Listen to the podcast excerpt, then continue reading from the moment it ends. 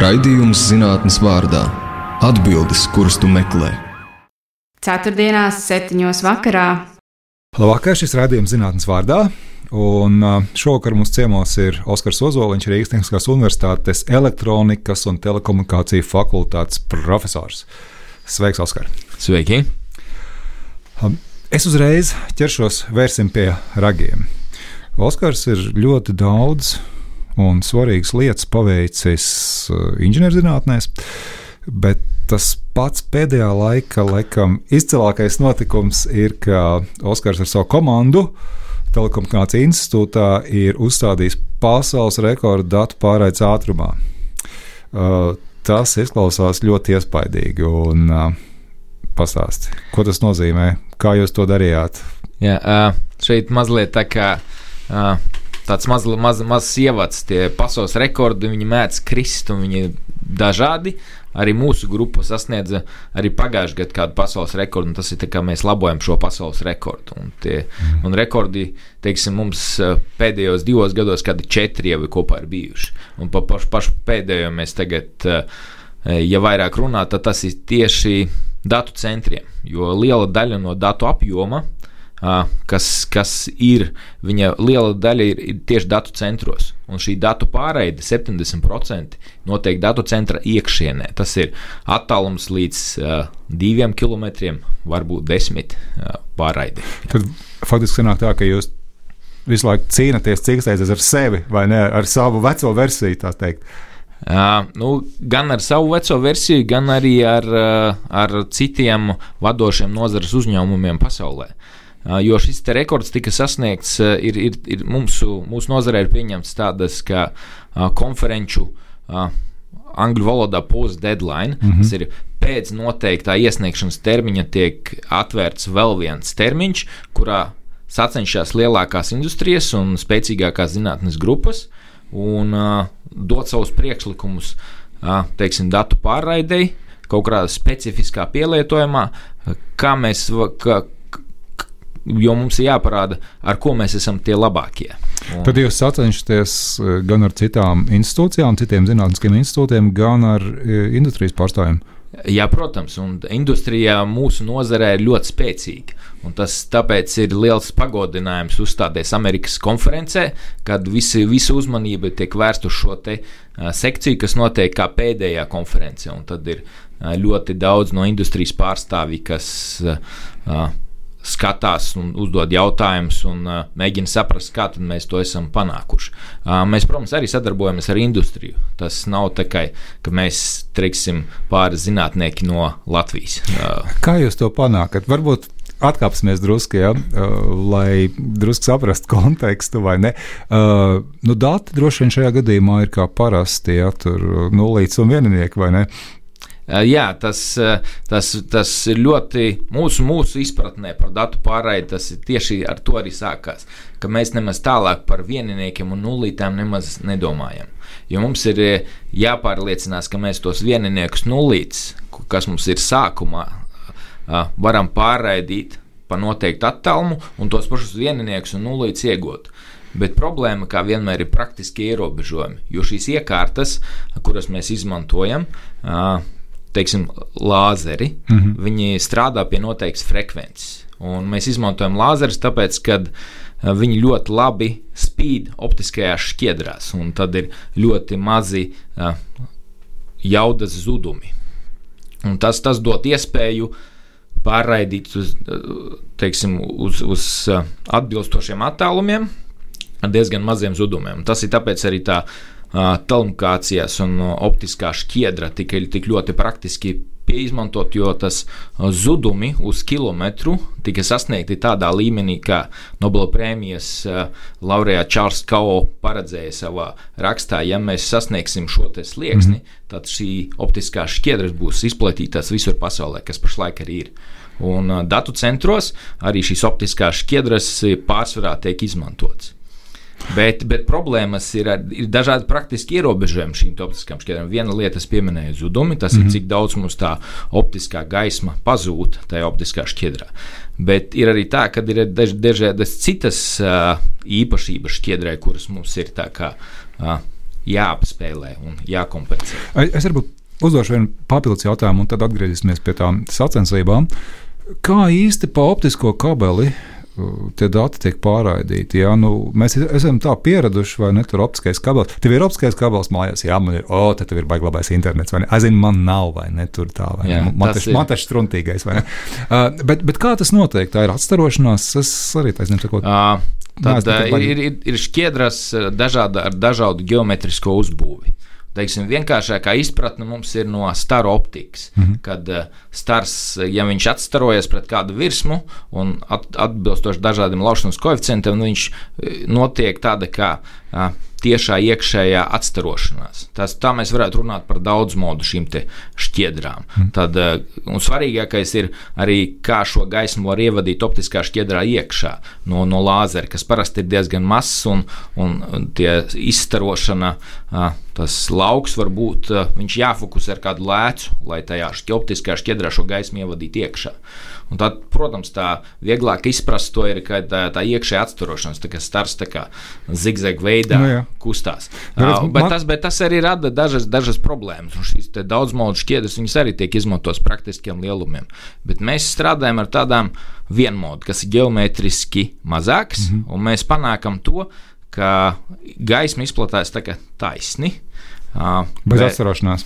Nu, viņa noteikti atstarojās, bet mēs apskatām tikai uh, uh, šo vienu modu, jo tad mums ir vieglāk tikt galā arī ar, ar tādu kā otru parametru. Ja es runāju par vājinājumu, tad otrs ir dispersija. Mm -hmm. Tad šeit ļoti svarīgi ar to dispersiju. Tik, tik tas, galā. tas būtu izkliede, vai ne? Jā, tieši tā, tā ir izkliede. Jā. Jā, jā.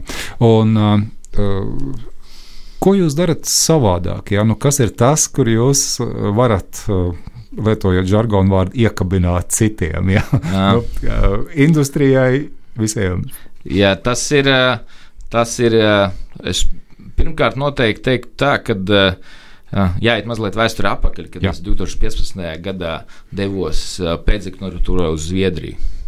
Un, uh, tur uz plauktiņa stāvēja viena komponente, kas bija lāzers integrēts ar modulātoru. Jo mums pie, pie lāzera nepieciešams ir modulators, lai šo te dabūtu īsto frekvenci kaut kādu. Nē, lai elektrisko signālu, kas ir vieninieki un nulīts, mm -hmm. lai mēs viņu varētu uzlikt uz nesēju nu frekvences optiskās. Tas, tas tā, tā pārveide ir nepieciešama. Un tā kritiskā komponente ir šādi modulatori, uh, kuriem ir jābūt pietiekoši liela frekvenču josla. Mm -hmm. Un, uh, mūsu gadījumā mums bija pieeja šim modulātoram no 2015. gada. Viņam ir 100 GHz josla.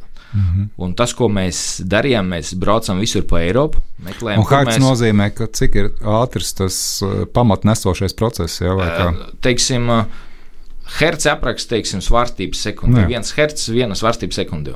Un uh, šīs te, šīs te modulators spēj nodrošināt 100 GHz. Mm uh, uh, bet ir jāprot arī šie 100 GHz uzģenerēt. Un tā bija liela problēma. Tad mēs daudz kur dažādās pētniecības institūtos, un pēdējos gados arī tādā uzņēmumā Keysight atradām šo signālu ģenerators, kas var vienīgais no līdz, mm -hmm. līdz 110 GHz uzģenerēt. Un līdz ar to pagājušā gada septembrī mēs bijām divas nedēļas taisījām tur eksperimentu, un ar šo integrēto lāzeru un modulātoru uzstādījām teiksim, augstāko datu pārējais ātrumu tieši, tieši šīs vienas tādas iekārtas. Un, Parasti jau šā, šādas iekārtas, teiksim, tādā raidu uztvērējā, kas tiek izmantot datu centros, viņas liek vai nu 4, vai 8, vai 16 mm -hmm. un integrē viņas kopā. Bet kāpēc ir svarīgi, lai tieši tas individuālā komponents strādātu ar maksimālu datu pārējais ātrumu? Jo tā mēs varam samazināt enerģijas patēriņu, jo, jo tad mēs samazinām enerģijas patēriņu uz bitu kas ir pats svarīgākais, kas ir jāoptimizē. Jo man nav bildi līdzi, bet es varbūt uzbūršu tāds kā. Mums jau tāpat būs grūti radio pārraidīt, vai ne? Jā, tā kā uh, ir, ir, ir, ir, tāds, ir tāda bilde, kur rāda datu centrus blakus vienam otram. Nu, viņi apmēram ir futbola stadionā lielumā, nu, mm -hmm. tie, par kuriem es runāju. Un viņi ir kaut kādi, nu, teiksim, kaut kādi vairāki tur. Un uz katra datu centra uzrakstīts gads, kurā viņi ir uzbūvēti. Un, uh, Ja mēs skatāmies, tad no pirmā līdz otrajam paiet trīs gadi, tad paiet divi gadi, tad paiet gads. un tad jau pēc gada būvēt divus datu centrus. Līdz ar to tas norāda to, ka progresīvi pieaug šīs datu centru skaits, un mēs nevaram. Teiksim, praktiski nav, nav, tas nav praktiski būvēt vēl desmit datu centrus pēc vēl trim gadiem. Nu jā, datu centri nozīmē datu apjomu, simbols kā nozīmē. Vai? Datu centri tas ir, jo mums ir ierobežots datu pārējais ātrums raidustvērējiem. Un šos raidustvērējus vajag daudz. Vajag daudz arī serverus, mm -hmm. kur šos datus mm uzglabāt. Un tas, ko mēs cenšamies panākt, ir, lai ar katru individuālo iekārtu varētu pārraidīt pēc iespējas vairāk datus. Un mazliet atgriežoties pie, tās, pie tā lāzera un pie tā modulātora, tas, ko mēs izdarījām. Kad šis lāzera modulators bija pirmais uzprojektēts 2009. gadā, viņi sasniedza 100 gigabitus sekundē. Nu, tad tie 100 gigahertz atbilst 100 gigabitiem. Mm -hmm. Un mums ir signāla apstrādes metodes, lai no šiem 100 gigabitiem par šiem no 2015. gada līdz uh, 2023. gada martam, kad konferencē uzstājāmies, mēs sasniedzam 400 gigabītus mm. sekundē. Tas ir četras reizes. Tas ir pateicoties uh, signāla apstrādes metodēm un arī šīm signāla ģenerēšanas un uztveršanas iekārtām. Mm -hmm. kā, mm -hmm. Šeit arī liela, liela nozīme ir tam, ka mēs uh, ar, ar pētniecības grupu esam vadošie signāla apstrādes metodēs tieši priekš datu centriem, uh, priekš tiem optiskiem starpsavienojumiem mm -hmm. kur, kur mēs pašlaik arī realizējam Eiropas un Rekonstrukcijas attīstības fonda projektu Ringo, uh, kurā mēs strādājam pie cita veida modulatoriem, kas ir vēl labāki nekā tie, ar kuriem mēs sasniedzam pasaules rekordu. Bet, diemžēl, mēs, mēs vēl neesam spējuši kā, sasniegt lielāku pārējais ātrumu, bet esam tuvu. Bet tas, tas skaistākais ir tas, ka pie tiem Ringo projektu modulatoriem mēs strādājam, ka viņi ir daudz mazāk izmērā. Viņi teiksim, reizes 10, 20 ir mazāki. Tas nozīmē, viņus var vēl salikt vēl kompaktāk. Ja.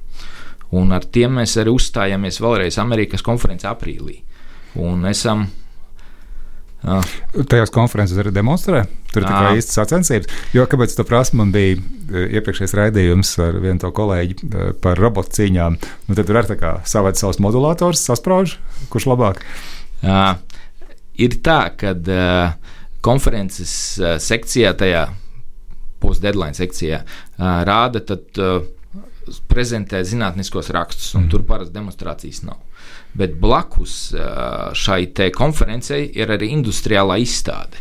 Un tad uh, ir, ir kompānijas, uh, kuras, piemēram, desmit gadu atpakaļ strādāja pie šī prototypa. Viņi rādīja, kāds ir pašlaik pieejamais, teiksim, kurš varētu būt praktiskās sistēmās. Un tad man tā jāuztver, ka man, man patīk redzēt to, ka man zinātniskais darbs ir rezultējies arī prototipos, kuri aizies ražošanā. Mhm. Jo il, ilgu laiku bija. Cita pieeja, kad viņi vēlējās izmantot, eh, no industrija vēlējās izmantot nevis vienu uh, lāzeru modulātoru, kurš varētu pārraidīt 100 gigabitus, bet 10. 10 gigabits, tas sanāk 10 reizes 10, bet tad nozīmē, ka nepieciešams 10, 10 lāzeri, lāzeri. Un līdz ar to es redzu, ka tas pašlaik uh, mainās. Bet, tā, es no mājām sūtu e-pastu, piemēram, vai, nezinu, vai, vai kaut ko ierakstu Facebookā, man jau nav lāzers. Uh, Nu, kā lai to saka, Vai ja tev, ir optiskais, ja tev ir optiskais internets mājās, nu tā, tad man, lāzers ir. Man, un, principā, telefonā jau ir eh, šī seja atpazīšanas tehnoloģija, kas ir ļoti daudz dažādi cita tipa lāzeri, vertikālas rezonances, un viņi nolasa seju. Un, un tas, mēs katru dienu saskaramies ar lāzeriem, pat nenojaušot, cik, cik daudz. Tas ir pilnīgs atklājums. Jā. Bet es domāju, tas ir īstajā vietā. Šis rādījums zinātnīs vārdā jūs klausāties. Un, un Oskars Ozoliņš no Tehniskās universitātes mums ciemos ir šis rādījums zinātnīs vārdā. Oskars Ozoliņš, Rīgas Tehniskās Universitātes elektronikas un telekomunikāciju fakultātes profesors mums ir ciemos. Es esmu Ivars Austers, un mēs te runājam par to, kā Oskars uh, uzstāda vienu pēc otras pasaules rekordus datu pārraides ātrumā. Un uh, Oskars arī stāstīja, kā tas tehnoloģiski tika nodrošināts. Bet uh, es gribu te pavaicāt, uh, kā tu vispār nonāci līdz tam? Nu, tu stāstīji tagad par uh, pēdējiem apmēram astoņiem gadiem, vai ne, ko tu esi darījis. Bet, uh, Kā tu vispār līdz tam nonāci, kā tas tev sāka interesēt? Un, nezinu, varbūt ne kopš bērnās, bet, ja tas ir svarīgi, arī tas būtu interesanti. Um, šeit man ir jāatgriežas vidusskolas laikos, kad uh, bija tāds svarīgs mirklis, arī kas tagad daudziem jauniešiem būs ļoti aktuāls pēc eksāmena nokārtošanas, kur doties studēt. Jā. Un tajā laikā es piegāju šim jautājumam ļoti pragmatiski. Es apskatījos, kurā fakultātē ir lielākās budžeta vietas. Oh. Es domāju, tu teiksi, no šodienas, kur ir ātrākais internets. Jā, nē, ta, ta, tas bija tāds tīri pragmatisks izvēle. Un es pieteicos divās fakultātēs. Vienā bija Latvijas Universitāte, mm. vēsturnieku fakultātē, un otra bija RTU elektronikas un telekomunikāciju fakultāte. Un, jā, tā, tā sanāca, ka mana prioritāte bija RTU. Uzņēma uzņēm droši vien abās vietās, bet jā. tev labāk patīk elektronika. Jā, un uh, es teiktu, mani interesē, kas ir lācītam vēdā, kā strādā telefons. Mm. Un uh, kā, kā tad mēs varam sazināties ar, tā, ar šo te iekārtu rokā, un mēs varam runāt ar cilvēku otras pasaules pusē. Tas, tas ir tas, kas mani aizrāva. Uh, un, uh, Es iestājos studijas, un uh, es nāku no daudz bērnu ģimenes, uh, kur ir viens vecāks mamma mūsu brāli audzināja divi tā. Un tad, uh, lai būtu finansiāls atbalsts, es pieteicos Vīto fonda stipendijām. Un tur man palaimējās iepazīties ar uh, mecenātu Pēteru Bolšaiti. Mm -hmm. Diemžēl viņš jau ir devies taisaulē, bet mums ar viņu izveidojas ļoti labas attiecības. Viņš arī bija profesors bijis ārzemēs, un viņš ir ārzemēs Latvijas atgriezies. Un ļoti uh, iesaistījies dažādās jomās, okupācijas muzejā. Mm -hmm. uh, studentu korporācijā bijis viens no aktīviem. Kas filistriem, kas darbojās tur, man, man ir iesaistīti. Un, uh, jā, principā mums arī izveidojas tādas kā tē, vectēva un mazdēla attiecības. Jā. Tā kā, viņš arī bija tas, kurš man ievirzīja zinātnē, un arī deva kādus strateģiskus padomus, kur jā, kā, kā, kā kas būtu jādara. Un tas bija viens piemērs, kad viņš teica, tev jābrauc doktorantūrā uz ārzemēm. Mm -hmm. nu, es biju ļoti stūrgalvīgs. Viņš teica, bet tik un tā pēcdoktorantūrā ir jābūt uz ārzemēm. Un tad līdz ar to no 2000. 12. gadā es pirmoreiz aizbraucu uz Dānijas Tehnisko universitāti uz trīs mēnešiem. Un kopš tās dienas esmu bijis kaut kāds 270 ar kaut ko dienas ārpus sava ierastās darbvietas. Un tad šīs vizītes ar katru gadu paliek mazliet īsākas, bet ļoti daudz, kur Eiropā es esmu bijis. Un, skatos un tā runāju par iespēju aizbraukt gan uz, gan uz ASV, gan varbūt arī uz, uz austrumiem. Jā. Tā kā sadarbības partneri pašlaik līdz ar to izveidojušies visā plasā, palā, plašā nu, es pieņemu, ja, ja tu esi grupā, kas visu laiku uzstāda, tu esi grupas vadītājs, jā, jā.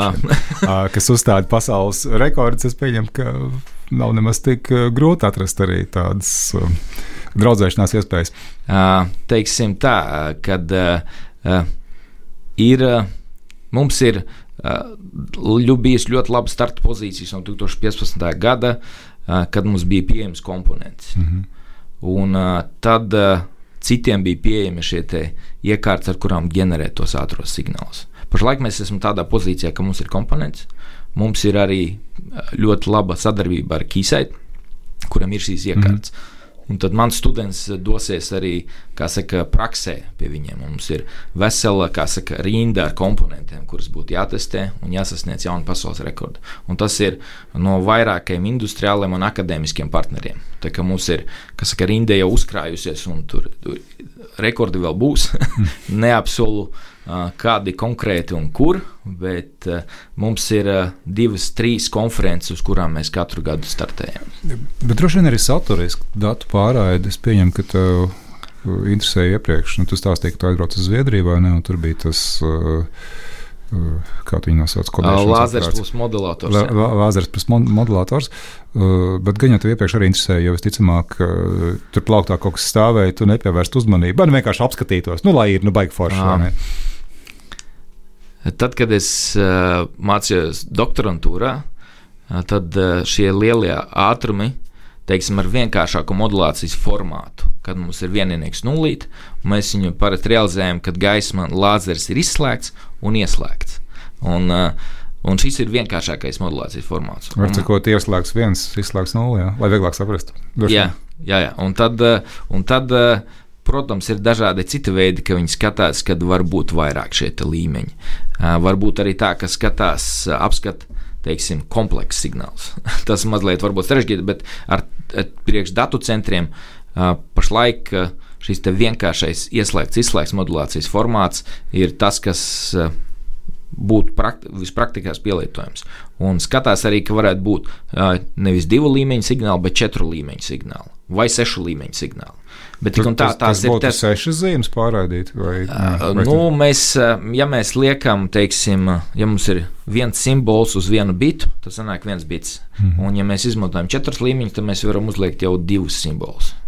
Bet, ja mēs skatāmies sešas līmeņus, tad ir divi ar pusi. Bet tas nozīmē, ka mums visa sistēma, kā domā, par uh, datiem jāpārveido, ja es pareizi saprotu. Uh, ir, ir, ir, ir, protams, mēs ne tikai, mēs nav tā, ka mēs tikai iegūstam, ka mēs izmantojam vairāk līmeņu signālus. Ja mēs skatāmies vairāk līmeņu signālus, tad salīdzinot ar divu līmeņu, jums tajā pašā amplitūdā ir jāieliek vairāk, vairāk līmeņu. Tas nozīmē, ka starp līmeņiem ir mazāk attālums, mm -hmm. un dinamiskais diapazons parasti sistēmās ir ierobežots. Līdz ar to mēs kaut ko iegūstam, bet mēs arī zaudējam. Līdz ar to ir nepieciešama nopietnāka signāla apstrāde. Mhm. Un tas ir tas, ko mēs gribam izvairīties no tā, un optiskos starpsavienojumos pēc iespējas mazāk signāla apstrādē ir jābūt, lai nebūtu aizturošī, kas ir ļoti svarīgi tieši optiskā skaitļošanā. Mhm. Cik no tā viss jau ir jau mums mājās, kaut kur kastītēs, kabeļos? Tas, ko jūs darat? Par uh, Tas, tas noteikti lāzers, kurš priekš piekļūs optiskiem tīkliem, teiksim, telekom internetā un tiek, tiek, tiek kā saka, izmantots datu pārraidei. Datu centriem mēs lielākā vai mazākā mērā visiem slēdzamies klāt. Un liels uzņēmums Mikrotik šeit Latvijā ir, mm -hmm. kas, kas ražo tieši šīs te. Uh, iekārtas, kuras izmanto datu centru o, mm -hmm. pārraidēji. Un, uh, viņi izmanto šos raidu uztvērējus dažādām paudzēm, teiksim, liek iekšā savā, savās iekārtās, lai nodrošinātu šo. Un šo datu centru katrs mēs pieslēdzamies datu centram, gribam klausīties mūziku, Spotify, skatīties video, YouTube. Uh, Tik un tā mums ir jāpieslēdzas datu centrā, un, un jā, šis servis jāskatās no turienes. Viņš pa, mazām paketēm tiek atsūtīts pie mums uz mājām, bet principā tajā video tas viss jau atrodas datu centros. Un, piemēram, ir, ir lietas, kuras datu centrā jāpasūta no viena punkta uz otru. Tas ir tas, kur mēs nākam iekšā ar to raidu uztvērējiem, lai varētu pēc iespējas efektīvāk pārraidīt šo informāciju. Bet kā ir tagad ar visām mobilo sakaru lietām, tas optiskais kabels, kā viņam būs konkurējot ar to gaisa pārraidi. Nu, dažreiz nav pareizi teikt, bet radio pārraidi. Um. Redziet, uh, pašlaik 5G ir tiek ieviests un runā par 6. Mm. paudzes mobiliem sakariem. Uh, arī tur mēs veicam pētījumus, un es mazliet pastāstīšu par projektiem, kur, kur ir, kur ir izstrādes stadijā, un mēs saka, vēlamies iegūt pētījumu, pētījumam līdzekļus. Un, tur mēs sadarbojamies ar tādu kompāniju kā Ericsson. Mm -hmm. un, tur šie optiskie kabeļi tiek izmantoti kā mugurkauls šai mobilai pārraidei. Līdz ar to mēs, es neteiktu, ka mēs konkurējam, bet mēs viens otru papildinām. Mm. Uh, un, uh, Protams, ir ērtāk, ka tev nav kabelis pieslēgts pie tavas pašas iekārtas, ka, tā, ka pēdējā, pēdējais piekļuvi ir caur bezvadu sakariem. Mm -hmm. Bet šie bezvadu sakari var būt pie dažādām frekvencēm. Tas nozīmē, ka teiksim, līdz uh, tornim, līdz tam 5G tornim aiziet kabels, un tad beigās tikai ir radio. Jā, jā, jā, jā tieši tā. Tā, bet varbūt dažādi risinājumi, varbūt arī mikroviņu līnijas, kā mums ir uzņēmuma saftehnika, kas ļoti efektīvus teiksim, sekuru sistēmas rada tieši priekš, priekš ļoti mazas aizturas. Un, tā kā šķiedra izmanto tā kā vide, tur laušanas koeficients nosaka, cik ātri izplatās. Uh, tas vilnis un radās kaut kāda aiztura. Bet uh, mikroviņu līnijas arī savos specifiskos pielietojumos ir, ir pat labākas. Ja. Un, uh, Uh, ir jāskatās no pielietojuma. Es nevaru pateikt, kurš no viņiem ir, ir, ir labākais. Mums ir, viņi, viņus papildina vienu otru, un reizēm tādos veidos, ko mēs nevaram pat iedomāties. Bet kas ir tas, ko teiksim, domā par nākotni, kas varētu būt tie informācijas nesēji? Ja? Nu, tagad stāsti par optiskiem kabeļiem, par mikroviļņiem, nu, par, nezinu, nu, plašākā nozīmē par radioviļņiem. Kas, kas vēl varētu būt? Un, un, un, pa, nu, es saprotu, tas varbūt drusku no fantāzijas pasaules, bet vēl interesantāk. Es, nu, tā... ne, es neteiktu pat, ka ļoti liela fantāzija mums ir pasaulē. Viens bagātākais cilvēks, kas uztaisīja Starlink, mm. kas ir satelīta sakaru. Tad šie satelīti ir pietiekoši zemu, lai viņus redzētu, teiksim, ne ar pārāk lielu palielinājumu. Un, protams, viņi rada arī citas problēmas tiem, kas bildē Zemi no no augšas vai no apakšas bildē zvaigznes. Tie satelīti Jā. izbojā šos attēlus. Bet šo satelītu daudzums ir tūkstošos. Un, uh, viņos izmanto tradicionālos raidu uztvērējus, uh, bet šeit uh, tie ir koherenti. Mēs izmantojam kompleksu signālus. Viņi var pārraidīt mazliet vairāk informācijas. Mm -hmm. Bet priekš datu centriem, priekš ļoti īsiem attālumiem, viņi vēl nav tik populāri, jo viņi patērē pārāk daudz enerģijas uz vienu bītu. Bet šie te kurus izmanto, teiksim, lai pārraidītu starp valstīm pāri okeānam. Daži dažādie raidu uztvērēji, viņus izmanto šajos satelītos, lai satelītu savā starpā savienotu. Mm -hmm. Un līdz ar to priekštelekomunikāciju tirgus šis ir ļoti liels projekts, Starlink. Un kas to dod, ko tas dod lietotājiem, ka tu praktiski pie interneta vari tikt jebkurā pasaules vietā.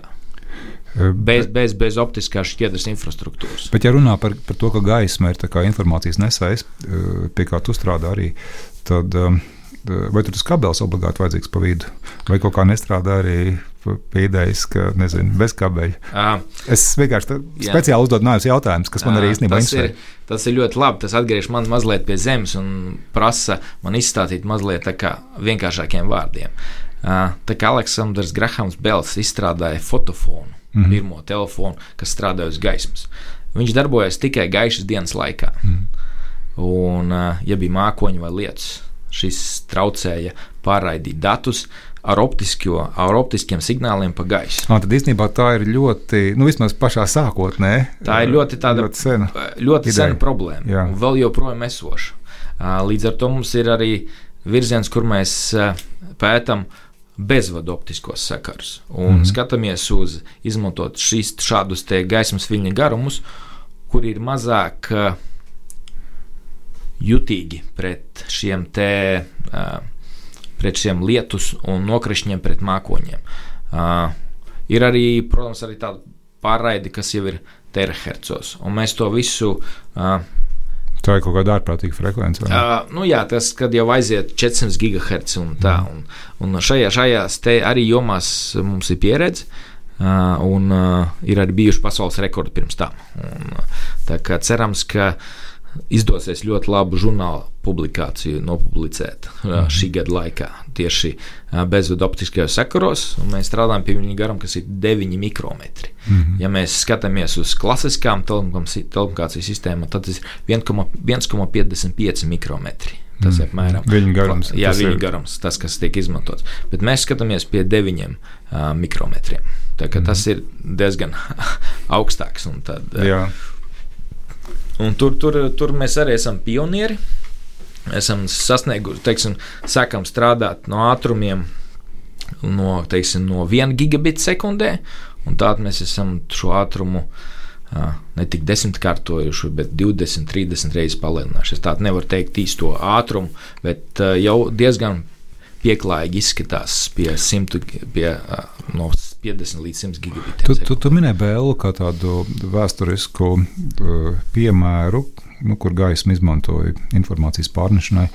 Uh, bet droši vien, ka cilvēki jau senāk par to ir domājuši. Nu, Tur daudz, nu, kā, kā vēl varētu, nezinu, ar, ar, ar slotu kādu bakstīt. Jā, nu, nu, es muļķos, bet nu, kaut kā mehāniski, vai ne? Bet, bet droši vien, ka gaismā ir tā burvīgā lieta, ka tur nekas nevar salūst, kamēr tev eh, darbojas tas gaismas avots un gaismas uztvērējs, vai ne? Um, nē, nu, kādreiz jau uh, izmantoja dūmu signālus, kas arī pirmie, pirmie sakaru līdzekļi, bet nu, tur ātrums bija salīdzinoši niecīgs. Nu, ne, gaismas ātrums nekas labāks. Jā, bet, bet datu pārraides ātrums bija diezgan niecīgs, jo cik simbolus sekundē varēja parādīt. Nu, jārunā, cik simbolus minūtē vai stundā varēja parādīt. Un tad izrāda, bija arī šie te, uh, telegrāfi, gaismas telegrāfi. Mm. Gan ļoti plašs tīkls bija Francijā, gan arī Zviedrijā. Pašlaik, ja ceļo, ja kādreiz atjaunosies kruīzes kuģis, tad pie, pie ostas varēja redzēt tādu šādu te telegrāfu uzstādīt vienu, kāds, kāds viņš bija Zviedrijā, kā tīkls izveidots. Un tur bija dažādi gaismas simboli, un tad tur bija minūtē, cik, tie, cik to simbolus varēja parādīt. Jā. Bet pierakstīja cilvēks, kā, vai, jā, jā, jā, vai, vai tas jā, nebija automatizēts? Ne? Nē, nē, tad automatizēti bija tad, kad. Uh, par, mēs jau runājam par telegrāfu. Tad jau tur nebija gaismas signāli, bet elektriskie signāli. Un tad uh, izgudrotājiem negribējās celties naktas vidū augšā. Tāpēc līdz ar to viņš izstrādāja to, ka sistēma šī sistēma automāt, automātiski pārraidīja tālāk.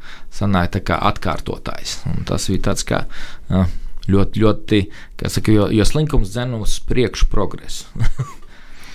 nu, jā.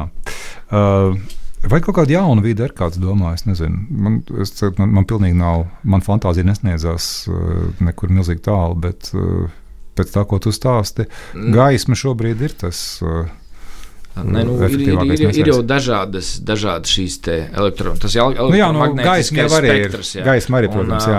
Elektromagnētiskais spektrs ir, ir liels, un mm. mēs, es esmu redzējis par daudz dažādā, dažādiem. Uh, kādus viņa garums labāk izmantot zemūdens, kādus labāk viņa garums izmantot gaisā, kādus viņa garums labāk izmantot optiskā šķiedrā.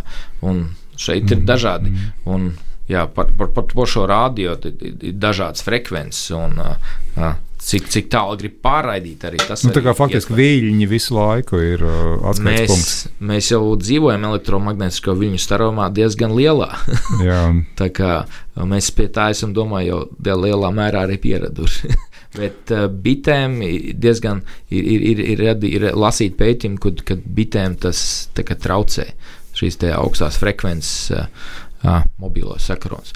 Bet tur ir nepieciešama nopietnāka pētījuma, lai varētu to, kā saka, viennozīmīgi pateikt. Nu, tur jau ir tās anekdotas, ka uzceļ 5G torni, un, bet tas, tas laikam ir uh, redziet, redziet, redziet, redziet ja gribās ļoti vienkārši skaidrojumu, tad, tad tiešām jāgriežas pie sazvērības teoriju autoriem. Bet, ja gribās nopietnāk izprast, mm. kas, kas tas ir, tad mēs nevaram pusgadu laikā atbildēt uz to, kā, kā, tas, kā tas strādā.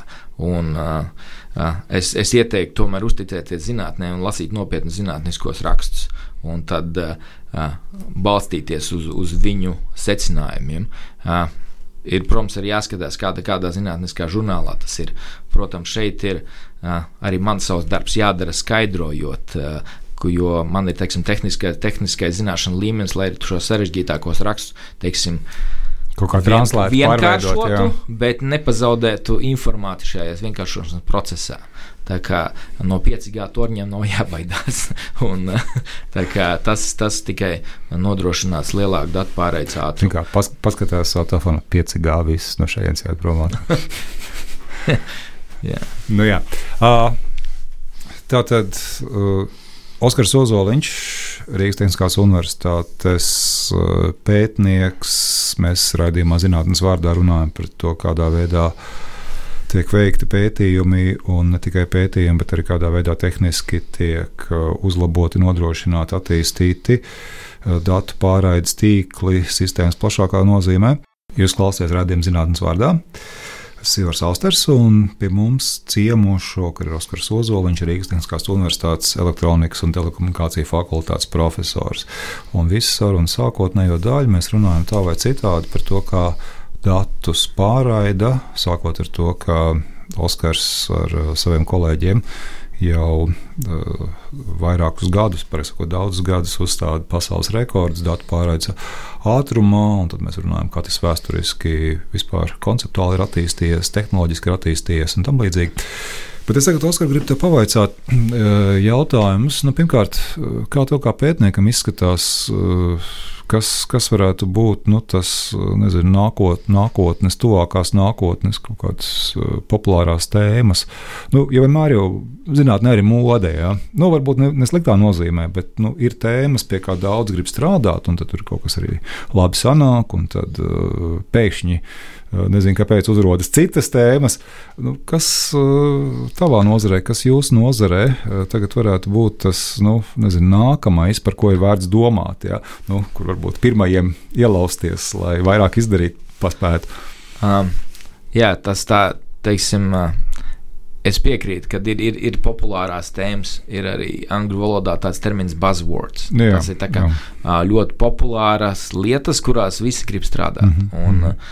ļoti liela populāra tēma pēdējā laikā ir kvantu sakari, mm. kvantu uh, kriptogrāfija kriptogrāfija, kript, kriptogrāfija, tas ir, lai teiksim, pārai, pārraidīt informāciju daudz drošāk. Un arī mūsu fakultāte ir iesaistījusies šādā Nacionālā kvantu iniciatīvā. Uh, un, uh, tas ir, manuprāt, ļoti arī labi iet kopā ar pašreizēju drošības situāciju, kad šiem datu pārraidē būtu jābūt drošai starp, teiksim, uh, starp kritisko infrastruktūru, ja viņi tāda, viņi tāda ir un kas, kas būtu jāpasargā. Un tāpēc šie pētījumi arī ļoti, ļoti aktuāli. Tas ir ļoti aktuāli arī vis, visā Eiropā, ir teiksim, izveidot šos te, kvantu drošos tīklus visā Eiropā. Tā kā, tā kā atbildes reakcija dažādām citām pasaules liel, lielvarām. Ko, ko tas nozīmē no, no tehnoloģija puses? Mm. Kas tur, kas tur jāuzstājas, kas tur jāizmaina? Uh, nē, nu, ir, ir, ir, ir dažādas šīs iekārtas, kas nodrošina teiksim, kvantu kript, kriptēšanas protokols, kas, nu, kas, kas arī nodrošina šo fizikālo mm -hmm. drošumu. Un kad uh, nolasot šo informāciju, tu arī atklāji to, ka informācija ir nolasīta. Līdz ar to šo kanālu vairs neizmantot.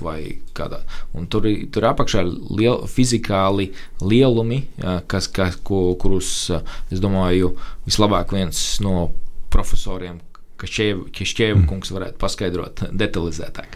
Uh, bet, manuprāt, ir, uh, ir, ir, ir arī svarīgi, ka šī datu pārraide, kad viņi tiek veikta, ka viņi, ir, ka viņi tiek pārraidīti droši. Mm -hmm, mm -hmm. Jo uh, pat ar optiskiem kabeļiem zem ūdens mēdz pieslēgties un nolasīt informāciju, kas, kas, uz, kas uz viņiem notiek. Bet, ja šī informācija ir, ir jau, kā saka, kriptēta tā, ka viņi nevar nolasīt, neatklājot sevi kā nolasītāju, tas, tas ir ļoti būtiski.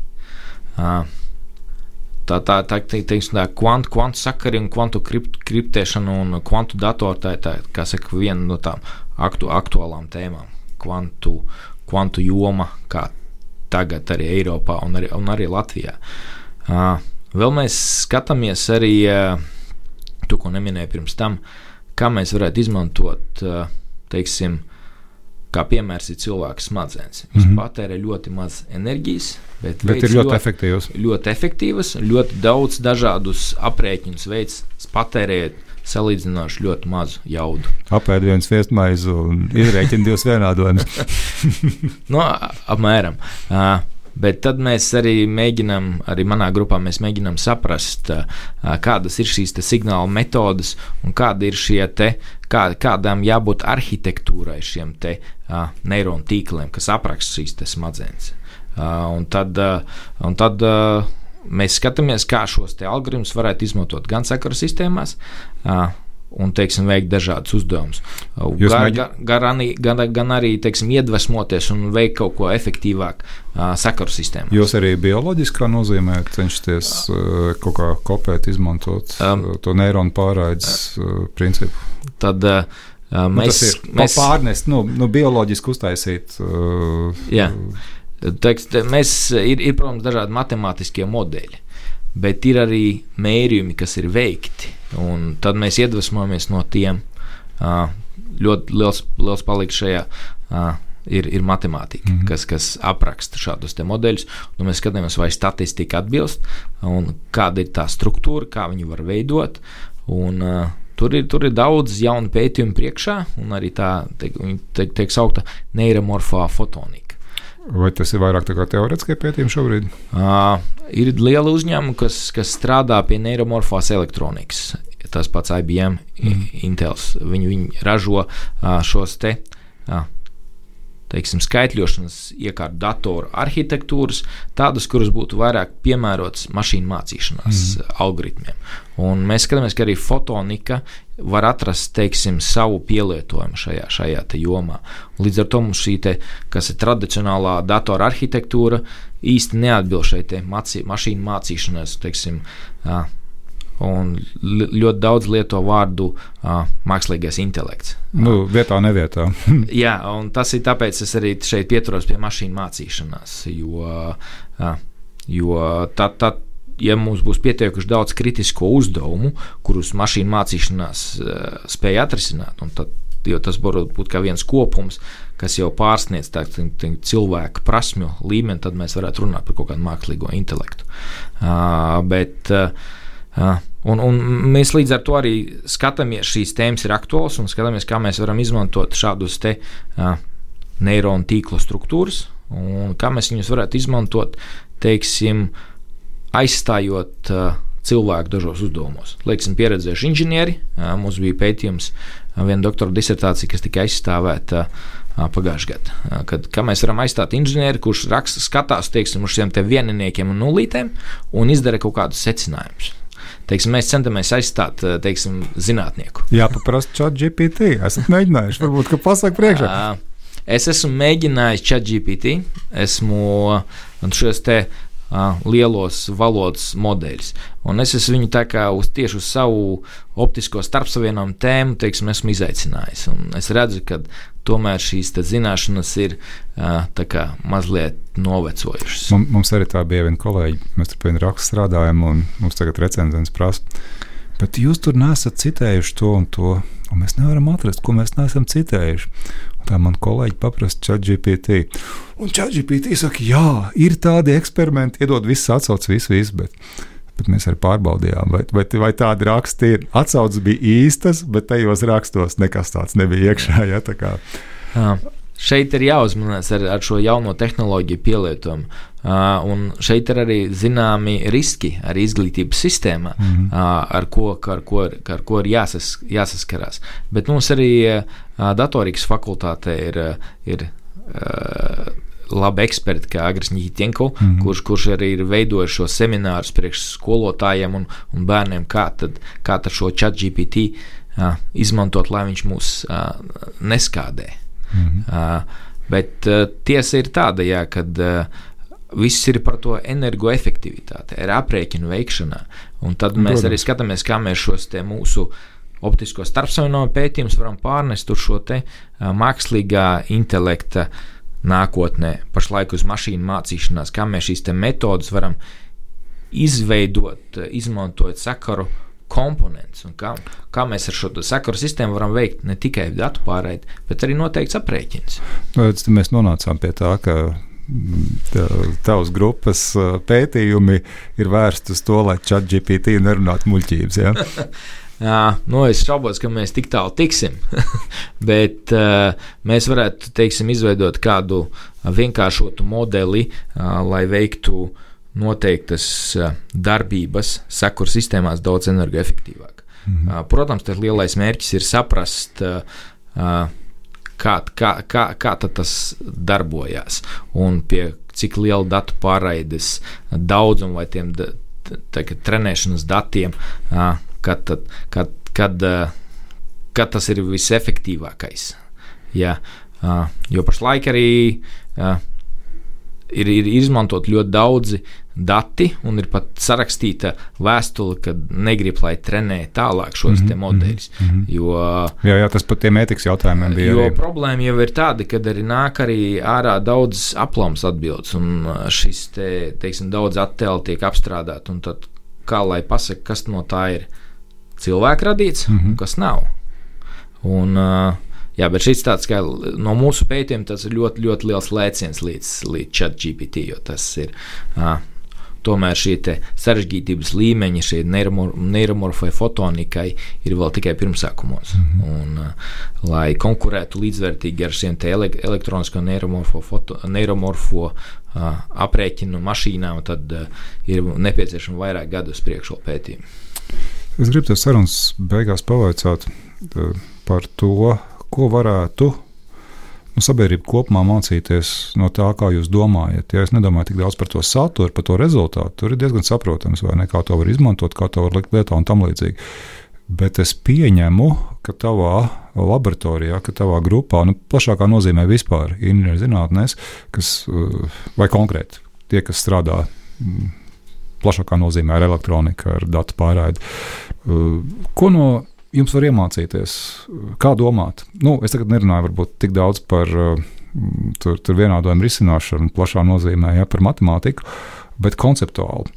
Man šķiet, ka inženieris domā bišķi savādāk Jā. nekā vidēji ņemts cilvēks.